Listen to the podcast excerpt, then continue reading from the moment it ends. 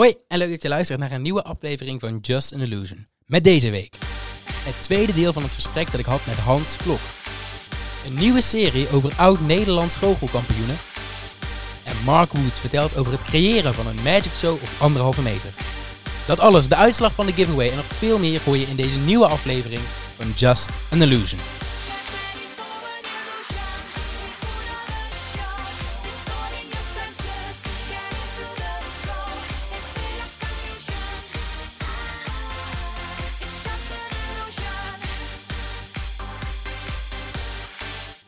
En toen was het alweer aflevering 4. het is alweer een aantal ja, maanden geleden dat we begonnen met de, met de lockdown. Eh, we komen er steeds meer een beetje uit. En het is ook alweer een aantal maanden geleden dat ik het idee had om een podcast te maken voor de Nederlandse Magische Unie. We zijn inmiddels alweer aangekomen bij aflevering 4 en ik vind het nog steeds even leuk om te maken. Daarbij merk ik wel dat mijn ideeën over, over welke gasten ik moet uitnodigen. Er komen wel steeds nieuwe ideeën bij, maar ik zou het enorm tof vinden om ook te horen wat jullie graag willen horen. Heb je een suggestie voor een toffe gast? Stuur die eventjes via Messenger of via een direct message op Instagram naar de pagina van de Nederlandse Magische Unie. We hebben weer een bomvolle aflevering vol met echt enorm leuke gasten. En daarom ga ik er niet te, val, eh, niet te lang over door. We gaan gewoon beginnen. In de vorige aflevering van Just an Illusion hoorde je mijn gesprek met Hans Klok. Ik had een gesprek met hem over het overlijden van een goede vriend van Hans, Roy. Uh, van het legendarische illusionistenduo Siegfried en Roy. Um, daarna heb ik nog een gesprekje met Hans gehad. Dat is gelijk na opgenomen. Dat hoor je ook wel zo meteen in de opname. En dat gaat over het coronavirus in Amerika. En dan met name in Las Vegas. En dan eigenlijk specifiek gericht op hoe magic shows in Las Vegas proberen te overleven in deze tijden van crisis. Ik denk dat het een heel boeiend gesprek is geworden, maar je mag zelf oordelen. Je gaat er namelijk nu naar luisteren. Ja, want hoe is het, hoe is het leven in, in Vegas op dit moment? Is dat inderdaad echt, echt vechten voor je plekje en om uh, ook maar uh, één kaartje meer te verkopen? Of, of heeft dat eigenlijk nu weinig te maken met die optredens en is het vooral focus op gezond blijven en, en uh, als show zijnde in leven blijven? Ja, ja, het is een beetje saai natuurlijk, want deze stad moet het hebben van toerisme en er zijn geen toeristen. En we hebben 150.000 lege hotelkamers hier. Ehm, alles is dicht. Er is hier echt een lockdown geweest. Uh, dus niet dat er ook schoenenwinkels open. Want in Nederland, ik zei tegen een vriend van mij, ik zeg, nou ja, dan had je naar de blokker moeten. Toen zei hij, oh, die is toch open? Ik zeg, wat? Weet je, nou, alle winkels zijn gewoon open gebleven. Dat, hier is echt een lockdown, dat alleen de supermarkten en bouwmarkten open waren. Nu langzamerhand gaat er hier en daar wat open. Uh, Amerika is natuurlijk zwaar getroffen door het coronavirus. Dan valt het in Nevada, deze staat nog mee. Maar New York is natuurlijk echt een... Uh, is het in alle heftigheid gaat het los. Ja, wat doe je dan? Uh, ja, werk aan jezelf. Want je kan niet naar het zwembad, je kan niet naar de gym. Nou, gelukkig heb ik een beetje halve sportschool mijn huis. Probeer een beetje op gewicht te blijven. En ik werk heel erg aan acts. En ik uh, oefen echt per dag een paar uur aan mijn manipulaties. Want ik, ik doe natuurlijk al duizend jaar mijn kaartroutine. Ik ga een hele nieuwe routine maken. Er zijn zoveel nieuwe technieken, vooral de Koreanen. Uh, zijn er natuurlijk fantastisch in. En die geven ook al die dvd's uit. Nou, die kun je gewoon online bestellen. Ja, dan heb je alleen een spelkaart en een spiegel nodig. En dan kom je heel eind. En je moet ook wel blij, bijblijven. Want je moet natuurlijk zorgen dat, uh, dat, je, dat niet de, generatie in gaat halen. Dat gaat op een dag toch wel gebeuren. Maar als je dan wel je naam mee hebt en zo, dan kun je nog wel een tijdje doorzwemmen. Maar dit vind ik ook wel heel leuk om aan mijn skills te werken. Hey, en je noemde net inderdaad al uh, dat, dat, uh, dat, dat vechten voor je plekje. Hoe zit dat eigenlijk met de collegialiteit onder, onder goochelaars in Vegas? Want eh, ik denk dat het overal ter wereld dat er wel een soort broederschap is van, van goochelaars onder elkaar. Maar in Vegas is het blijkbaar ja, nou, concurrentie. Ja, de concurrentie is hier wel groot. Eigenlijk want heel veel goochelaars wonen hier. Ze hebben allemaal de droom om hier te gaan wonen. En het, leven is hier niet heel duur. Als je vergelijkt met Californië bijvoorbeeld, waar het leven levensstandaard veel duurder is. Dus de, de, de prijzen in de supermarkt van artikelen zijn veel hoger dan hier. Dus het is wel te doen om hier een huis te hebben. Ja, al die magicians die gaan hier wonen, maar die krijgen geen werk. Want ja, waar moet je werken? Er zijn maar een paar shows op de strip die variété-nummers hebben waar je in kan. En omdat er, het aanbod is groter dan dat ze zoeken naar acts. Dus mensen gaan ook onder de prijs werken. Ja, dan heb je natuurlijk de jongens die een eigen show hebben. Dat uh, Murray, dan heb je dan uh, Nathan Burton, dan heb je The Angel, goede vriend van mij. De Copperfield natuurlijk, als koploper. Ja, er, er zijn iets van tien magic shows, misschien wel twaalf. En gaan we met elkaar om? Ja, eigenlijk ga ik alleen goed om met Chris Angel, echt privé. Dave Koffield heb ik nooit veel contact mee gehad. Het is wel een beetje een Einzelganger. En, eh, maar respecteer ik zeer wat hij gedaan heeft en nog steeds doet. En, ja, het is, dit is wel hier concurrentie. En zijn die plannen, want je, bent natuurlijk uh, naar Vegas gekomen met als doel daar een aantal jaar te staan. Komen die plannen in gevaar en moet je daar iets gaan bijsturen of, of valt dat voorlopig nog wel mee? Uh, nou, ik stuur het wel bij, want ik merkte wel, dat heb ik de eerste keer niet gemerkt, want toen was ik hier maar zes maanden in 2007. We hadden pre-productie, uh, dat was drie maanden. Dus ik, ik woonde hier negen maanden. En dat we echt gingen optreden, was zes maanden. En eigenlijk kom ik er wel achter, nadat we nu een jaar verder zijn, dat Vegas toch wel heel seizoengevoelig is. Er zijn maanden zoals januari, februari, nou dan kan je een kanon hier afschieten. Dan moet je eigenlijk niet willen optreden. Je ziet dan ook dat Copperfield niet optreedt of minder. Je ziet dat Chris Angel gaat toeren die maanden. En ik heb nu ook tegen mijn manager gezegd, ik heb een Duitse manager, ik zeg boek een tournee. Dat had hij al geboekt voor januari. Nou, dat is voorbij natuurlijk. Dat is veel dichtbij, dus dat wordt najaar volgend jaar. Oktober is een slechte maand. En toen dacht ik, ja, ik heb zo'n naam in Duitsland bijvoorbeeld. Dan ga ik niet in Duitsland dan toeren. Uh, gewoon drie weken, vier weken en dan weer terug. Je zit natuurlijk wel altijd met je logistiek, met je spullen. En nu had ik laatst een gala voor de UEFA op 2 maart in Nederland. Dus toen heb ik een, een, ja, tussen, ondankbaar heet dat de Snabbel Act. Dus wat ik overal kan doen, op, op alle, elke bruiloft, uh, evenement, doe, kan ik dat half uur doen. Dat heb ik al naar Nederland gebracht, want dat had, die spullen heb ik allemaal dubbel. Dus dat heb ik ook in Nederland gelaten. Ik denk, dan heb ik dat half uur. Ik werk hier aan heel veel spullen, dus dan hoef ik niet heel veel over te laten vliegen, want dat is natuurlijk heel kostbaar. Maar ik heb zeker mijn plannen bij. Eigenlijk mijn plan is negen maanden zeker per jaar, acht maanden, negen maanden. De rest uh, maandje vakantie en, uh, en tours. Oké, laatste vraag die ik eigenlijk aan elke gast in deze podcast stel. Wat is nou, want je bent een ervaren man in, in het goochelaarsvak. Wat is nou jouw advies voor de rest van de goochelwereld in deze periode? Uh, ja, wat is mijn advies? Ik, iedereen is natuurlijk bezig met het online goochelen. Ik moet je zeggen, ik geloof daar niet zo in. Weet je, wat is het excitement van, van een artiest? Is dat je hem live ziet. Eh, ik zie ook dat Circus Soleil, die natuurlijk al uh, gillend failliet waren voor de corona. Wat je natuurlijk helemaal niet verwacht, want de uitstraling van Circus Soleil is, is is Bigger Than Life, is, dat kan niet op. En ook hier op strip. En dan hoor je dat ze al 900 miljoen verlies hadden voor de corona. Kunnen gaan nu. Um, mijn advies, ja, dat iedereen begint nu aan gaan online. En best leuk hoor. Ik zie ook collega, jonge collega's dat doen en dat vind ik hartstikke knap. Maar weet je, ik ben bijvoorbeeld fan van Tina Turner, maar die wil ik Tina Turner echt zien. Ik wil, ik wil dat voelen, dat, dat charisma ja, dat, op tv ziet het ook wel leuk uit, maar dan uh, zit ik een beetje onderuitgezakt naar te kijken. Ik geloof niet dat je een online show echt kan verkopen. Er zijn een paar uitzonderingen en dat is hartstikke leuk, maar uh, ik denk op het hele grote vlak, weet je, Sinkelselij plaatst dus nu shows staan, begon ik over Sinkelselij online, maar het interesseert me niet. Ik, een acrobaat die heel hoog in de lucht hangt, ja, dat wil ik zien. Ik wil een stijve nek krijgen om, omdat ik omhoog moet kijken en dan maar hopen dat die persoon niet valt. Ja, dat heb ik niet, want ik denk dat het van tevoren opgenomen of al is het live, weet je. Dus ja, doet mij niet. Dus, dus eh, ja, ik weet niet. En natuurlijk vind ik het heel knap dat iedereen zich daar heel dicht mee, eh, druk mee houdt. Tips, blijf gewoon oefenen en hoop op betere tijden. En voel je ook niet te groot om misschien iets anders te doen. Dat vind ik ook altijd zo. Dat laat ook een, bekende zangeres, ik zal geen namen noemen, en die, die klaagt dan dat ze geen werk heeft. Die denkt, ja, je kan ook in de bijkorf werken. Er is niks mis mee. Ja, ik vind, het, ik vind het een heel mooi en waardevol advies, denk ik. Dankjewel voor jouw tijd en blijf gezond. Dankjewel, Bessel. Maak iets leuks van. En uh, het allerbeste in Nederland. Dan is het tijd voor een nieuwe serie. Het leek me leuk om een uh, terugkerend onderwerp te pakken voor in de podcast. En vandaag beginnen we daarmee. Een aantal weken lang ga ik met een aantal mensen in gesprek. Deze mensen hebben allemaal iets gemeen, namelijk dat ze allemaal goochelen en dat ze allemaal Nederlands kampioen zijn geworden. De eerste in deze serie deed al drie keer mee aan het Nederlands kampioenschap goochelen voor junioren.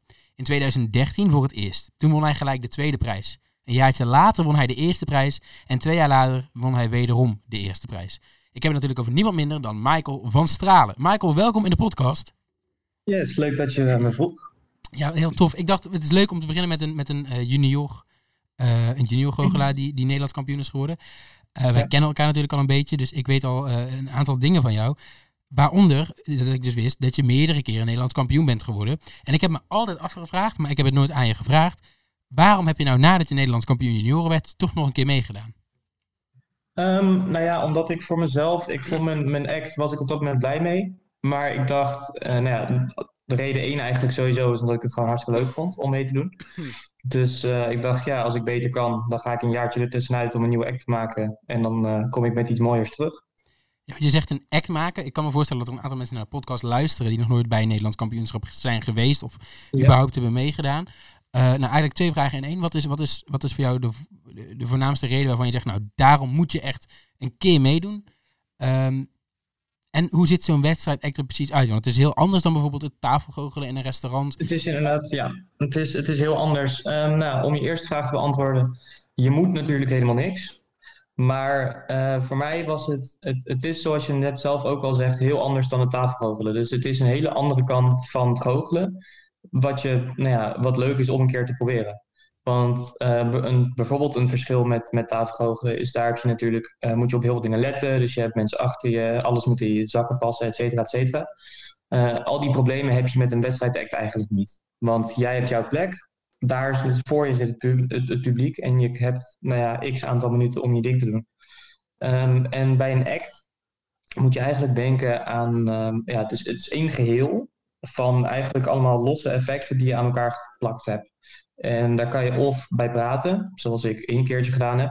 Eh, de tweede en derde keer heb ik het allebei de keren op muziek gedaan, omdat ik dat zelf prettiger vond. Eh, en dat duurt dan in mijn geval acht minuten. Nog één laatste dingetje over het, het, het wedstrijdgoochelen in het, eh, in het algemeen. Eh, daarna gaan we door over, je, over jouw act en jouw manier van werken binnen het wedstrijdgoochelen. Ja. Eh, dat, dat wedstrijdgoochelen dat heeft een, een, een jury en die jury bestaat uit goochelaars, hè? Ja. Nou, nou, Onder, onder andere. Dus Onder er zit andere, ook ja, een ja, leek bij, hè, meestal. dus eigenlijk, je goochelt als het ware voor collega's. Het is eigenlijk hetzelfde als, alsof je moppen gaat vertellen terwijl Jochem Meijer, Najib Amhali en Guido Wijers in de jury zitten. Ja, ja, precies.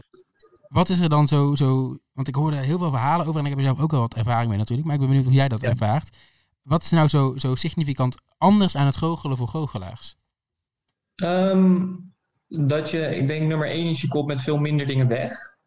Eh, dus wat ik daarmee bedoel is, als je voor niet-goochelaars goochelt, die weten natuurlijk niet wat je gaat doen.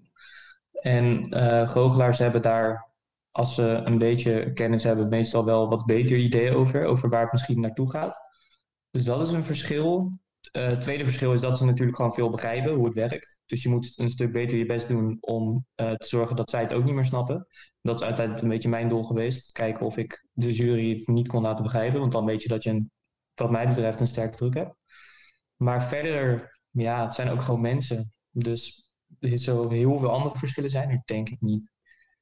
Hey, en stel nou dat ik laatst... Nou, nou, ik zei net al laatste vraag. De allerlaatste vraag over het algemene wedstrijdgoochelen. Stel ik Ja. ga nou naar de, naar de goochelwinkel. Ik koop een leuk trucje. Ik heb hem, eh, ik heb, ik heb de gebruiksaanwijzing goed doorgelezen. Ik kan hem... Kan ik dan mee gaan doen aan een Nederlands kampioenschap? Hmm, het kan, want je mag in principe, geloof ik, meedoen met, nou ja, als je geloof ik aangesloten zit bij een vereniging, dan kan je sowieso meedoen. Maar ik zou het niet doen. Want eh, een act is voor mij best persoonlijk, want je werkt er natuurlijk heel hard aan en je doet er best wel lang over. Dus om dan gewoon een trucje van iemand anders te kopen, eh, in principe, en die dan op te gaan voeren. Ten eerste zal die dan waarschijnlijk ook niet lang genoeg zijn als je één trucje koopt, tenzij je een act van iemand anders koopt. Maar ik denk dat je dat moet, niet moet willen, eerlijk gezegd. Oké, dan eventjes over jouw, jouw maakproces. Eh, want jij maakt eigenlijk, eh, dat, dat kwam uit het vorige antwoord een beetje naar voren. Je maakt zelf ook, bedenkt ook de trucs. Is het bij jou zo dat jij, dat jij de trucs bedenkt en het dan gaat koppelen aan een rode draad? Of ligt die rode draad al vast en kies je keypoints in die rode draad om effecten in te doen? Hmm, dat verschilt. Ehm, bij mijn, ik laat mijn eerste act even er buiten dit verhaal, want daar was ik echt zeg maar nog, ik zal maar even beginnend zeggen. Dus daar had ik inderdaad gewoon trucjes achter elkaar geplakt en daar zat ook niet echt een rode draad in. Act daarna was helemaal op muziek en het is misschien wel leuk om te vertellen dat dat, ehm, de muziek was een, het klonk als een radiofragment. Dus het klonk gewoon alsof ik de radio aan had gezet en daar ging het dan goochelen. Eh, en dat idee was er al wel eerst. maar ik had ook al wat trucs die ik erin wilde verwerken. Dus het was meer een, een, uh, nou ja, een beetje een gecombineerd proces. Want ik wist ongeveer wat ik wel wilde gaan doen, de trucs die ik erin wilde doen. Uh, en daarna kwam dan het idee van de radio en dan ga je kijken hoe past dat in elkaar. Mijn laatste act, dus die van 2016, ja, was het, heb ik niet echt per se. de, de rode draad mm, is daar ook niet heel duidelijk op zich. Um, maar dat kwam meer voort uit het feit dat ik niet met gewoon normale kaarten wilde goochelen. Dus ik heb uh, gekleurde kaarten gebruikt. Waarom wilde je niet met normale kaarten goochelen? Wat, wat, is, dat, is dat omdat je origineel wilde zijn? Of? Onder andere. En ik vind, uh, kijk, als je op een, dat moet je wel weten, als je wedstrijdgoochelen gaat doen en je doet close-up, moet je ervan uitgaan dat het camerawerk, nee, ik bedoel, het is niet, niet slecht, maar je kan het natuurlijk nooit helemaal goed zien als je in het publiek zit. Ja, en dus daarbij is het ook nog eens zo dat uh, uh, je werkt natuurlijk heel lang aan een act en dan hangt die misschien ook wel een beetje af van degene die het filmt, eh, die ervoor zorgt dat het groot in beeld te zien is. Dus, ja, ja, je bent inderdaad heel erg afhankelijk van de camera die erop staat. Precies, dus eigenlijk is het in jouw geval dus gewoon, je wil geen risico nemen. Ja, ja. En, zelfs als het wel goed in beeld gebracht wordt, is het toch anders als je naar, naar een scherm zit te kijken. Dus ik dacht met kleuren, en hier moet ik ook even Ger Kopper, de uh, oud wereldkampioenschap, die kwam er in eerste instantie mee. Wij hebben het zeg maar een beetje verder uitgebracht. Dus thanks daarvoor Ger nogmaals. Maar um, uh, ja, het wordt gewoon veel visueler en makkelijker om te volgen. Dus, de, dus je hoeft niet te kijken, is dat een harte vrouw of een harte boer? Het is gewoon, dat is een, een gele kaart en hij is niet groen. Dus het is allemaal wat, wat duidelijker. Oké, en nog even terug over die eerste, of tenminste jouw tweede act, maar die eerste laat een beetje bij de beschouwing, zoals al zei. Dat was met radiothema. Hoe ben je daar zo op gekomen? Want het klinkt enorm origineel, maar ik, ik, ik kan me niet voorstellen dat het zomaar aankomt waaien. Nee, voor, ik moet even terugdenken. Het is een tijdje geleden natuurlijk. Um, volgens mij zat ik toen ook met Ger en Mike, Mike Walter toen. En volgens mij kwam die met het idee oorspronkelijk durf ik niet helemaal met zekerheid te zeggen. Um, maar een bekende van ons was radio-dj. Dus het was uiteindelijk ook wel vrij... Ja, het was makkelijk om het te realiseren ook. Het was niet van, oh, hoe, hoe gaan we dit doen? Dus, dus het idee kwam er. Toen hebben we, zijn we met hem onder tafel gaan zitten. Zo van, kan dat? En toen hebben we het uiteindelijk samen opgenomen. Maar ja, soms komen ideeën ook gewoon uit het niets. Hè? Een, een origineel idee hoef je niet van tevoren helemaal uitgedacht te hebben. Dat kan ook gewoon niet opkomen. En even over de toekomst nog, want we hebben nu jouw vorige act gehad. We hebben nou gehad over hoe jij act maakt. Ben je in de toekomst nog van plan om mee te doen met een, met een Nederlands kampioenschap? Je bent inmiddels ouder dan 18, dus niet meer junioren, maar senioren? Um, nou ja, ik heb natuurlijk ook al een paar keer bij de senioren meegedaan. Maar ik moet zeggen, voordat jij mij appte of ik hier uh, eventjes mijn verhaal wilde komen doen, was ik er niet heel erg mee bezig. Maar toen appte en toen dacht ik, ja, eigenlijk vond ik dat wel leuk. En eigenlijk mis ik het wel een beetje.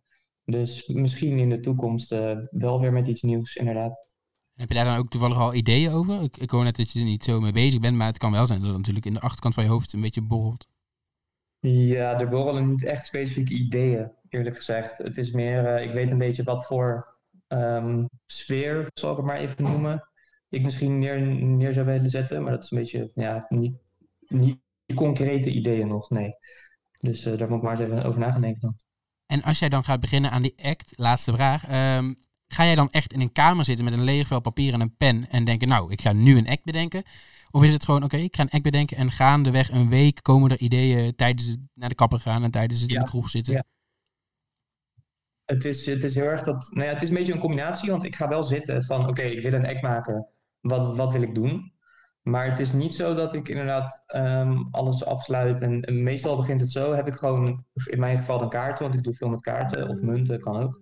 En dan ga ik dan gewoon een beetje mee, mee klooien. En dan denk ik, kan dit, past dit bij elkaar? Kan ik dit aan elkaar koppelen? Dus het is meer een beetje uitproberen dan echt heel veel denken.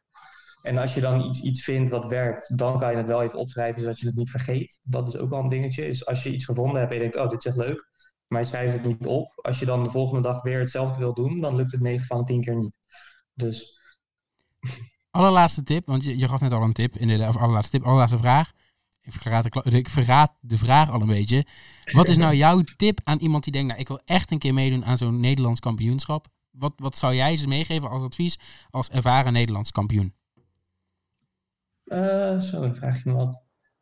Ten eerste zou ik zeggen, uh, blijf vooral bij jezelf. Dus ga niet andere mensen kopiëren. Want dat, daar wordt niemand heel blij van. Want als je dan een prijs wint, dan win je een prijs met iets wat jij niet, zeg maar, wat, wat, wat niet van jou is.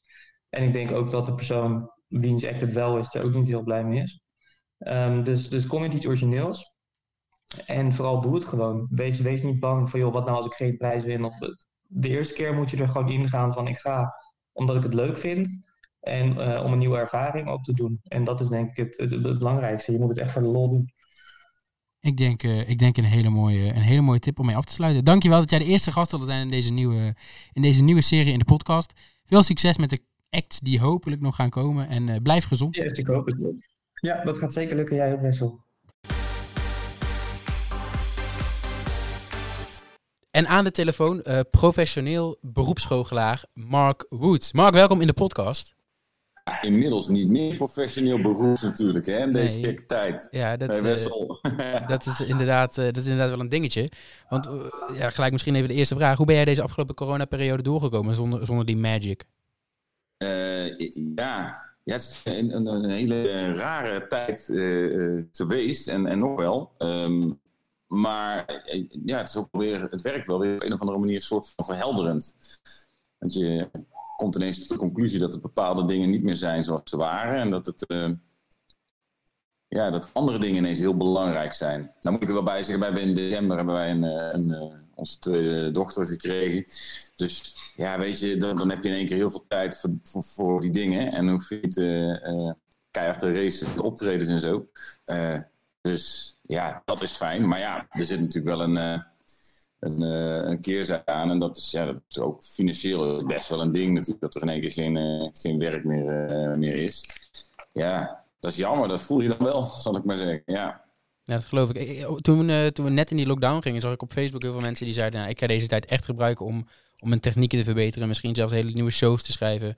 Heb jij ook je magic qua techniek en qua, qua performance verbeterd? Of heb je juist aan hele andere dingen gewerkt? Uh, ik heb mezelf vooral uh, gefocust op uh, ja, toch, ja, toch op een andere manier geld te of inkomen te genereren. en ik, ik heb zeker wel met, met, met ben ik wel met goochelen bezig geweest, maar net, ja, het is niet dat ik bewust echt specifiek iets ben gaan, gaan lezen of gaan, gaan leren, omdat, omdat, ik dat nu, omdat ik er nu heel veel tijd voor had. Dus ik, nee, dat niet. Maar ik, ik ben wel ja, ik ben wel in contact gebleven met veel, uh, met veel goochelaars. En meer ook, meer in contact gebleven. Dat vind ik wel heel erg leuk. Dus er is, er is wel... Uh, ja, dat, dat, vind ik wel, dat vind ik wel iets moois aan, uh, aan, aan deze periode, zeg maar ook. Ja, contact met goochelaars. Ik, ik heb in de podcast al veel mensen gehoord die zeiden... er is een soort verbroedering uh, door die coronacrisis. We zitten natuurlijk allemaal in hetzelfde schuitje. Een aantal, of, in, in ja. een van de eerdere afleveringen had ik Christian Varla als gast, uh, voorzitter van Goochelclub Rotterdam. Jij bent secretaris van mijn eigen Goochelclub Gonga. Um, ik weet het al een beetje, maar voor de luisteraar, hoe pakt Gonga uh, haar clubavonden aan in deze tijd? Ja, ja, dat doen we dan ook digitaal. En dat is eigenlijk ontstaan.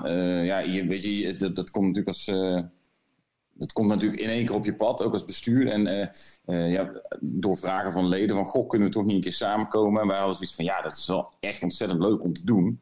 Um, laten, we, laten we iets, uh, laten we dat gewoon een keer uitproberen. En dan, dan, ja, dan ga je zo'n platform even uitproberen. En, en ja, dan, blijkt gewoon dat er toch wel behoefte is. En dat het mensen het heel leuk vinden om elkaar ja, te zien tussen aanhalingstekens.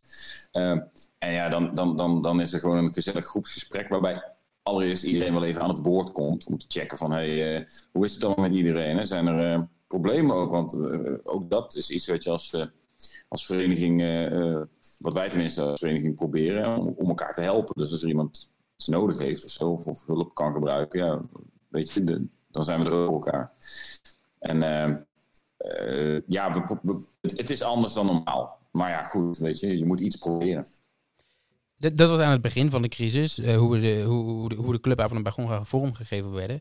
We naderen nu, ja, niet per se het einde, maar we mogen weer steeds wat meer. We mogen ook wat meer optreden.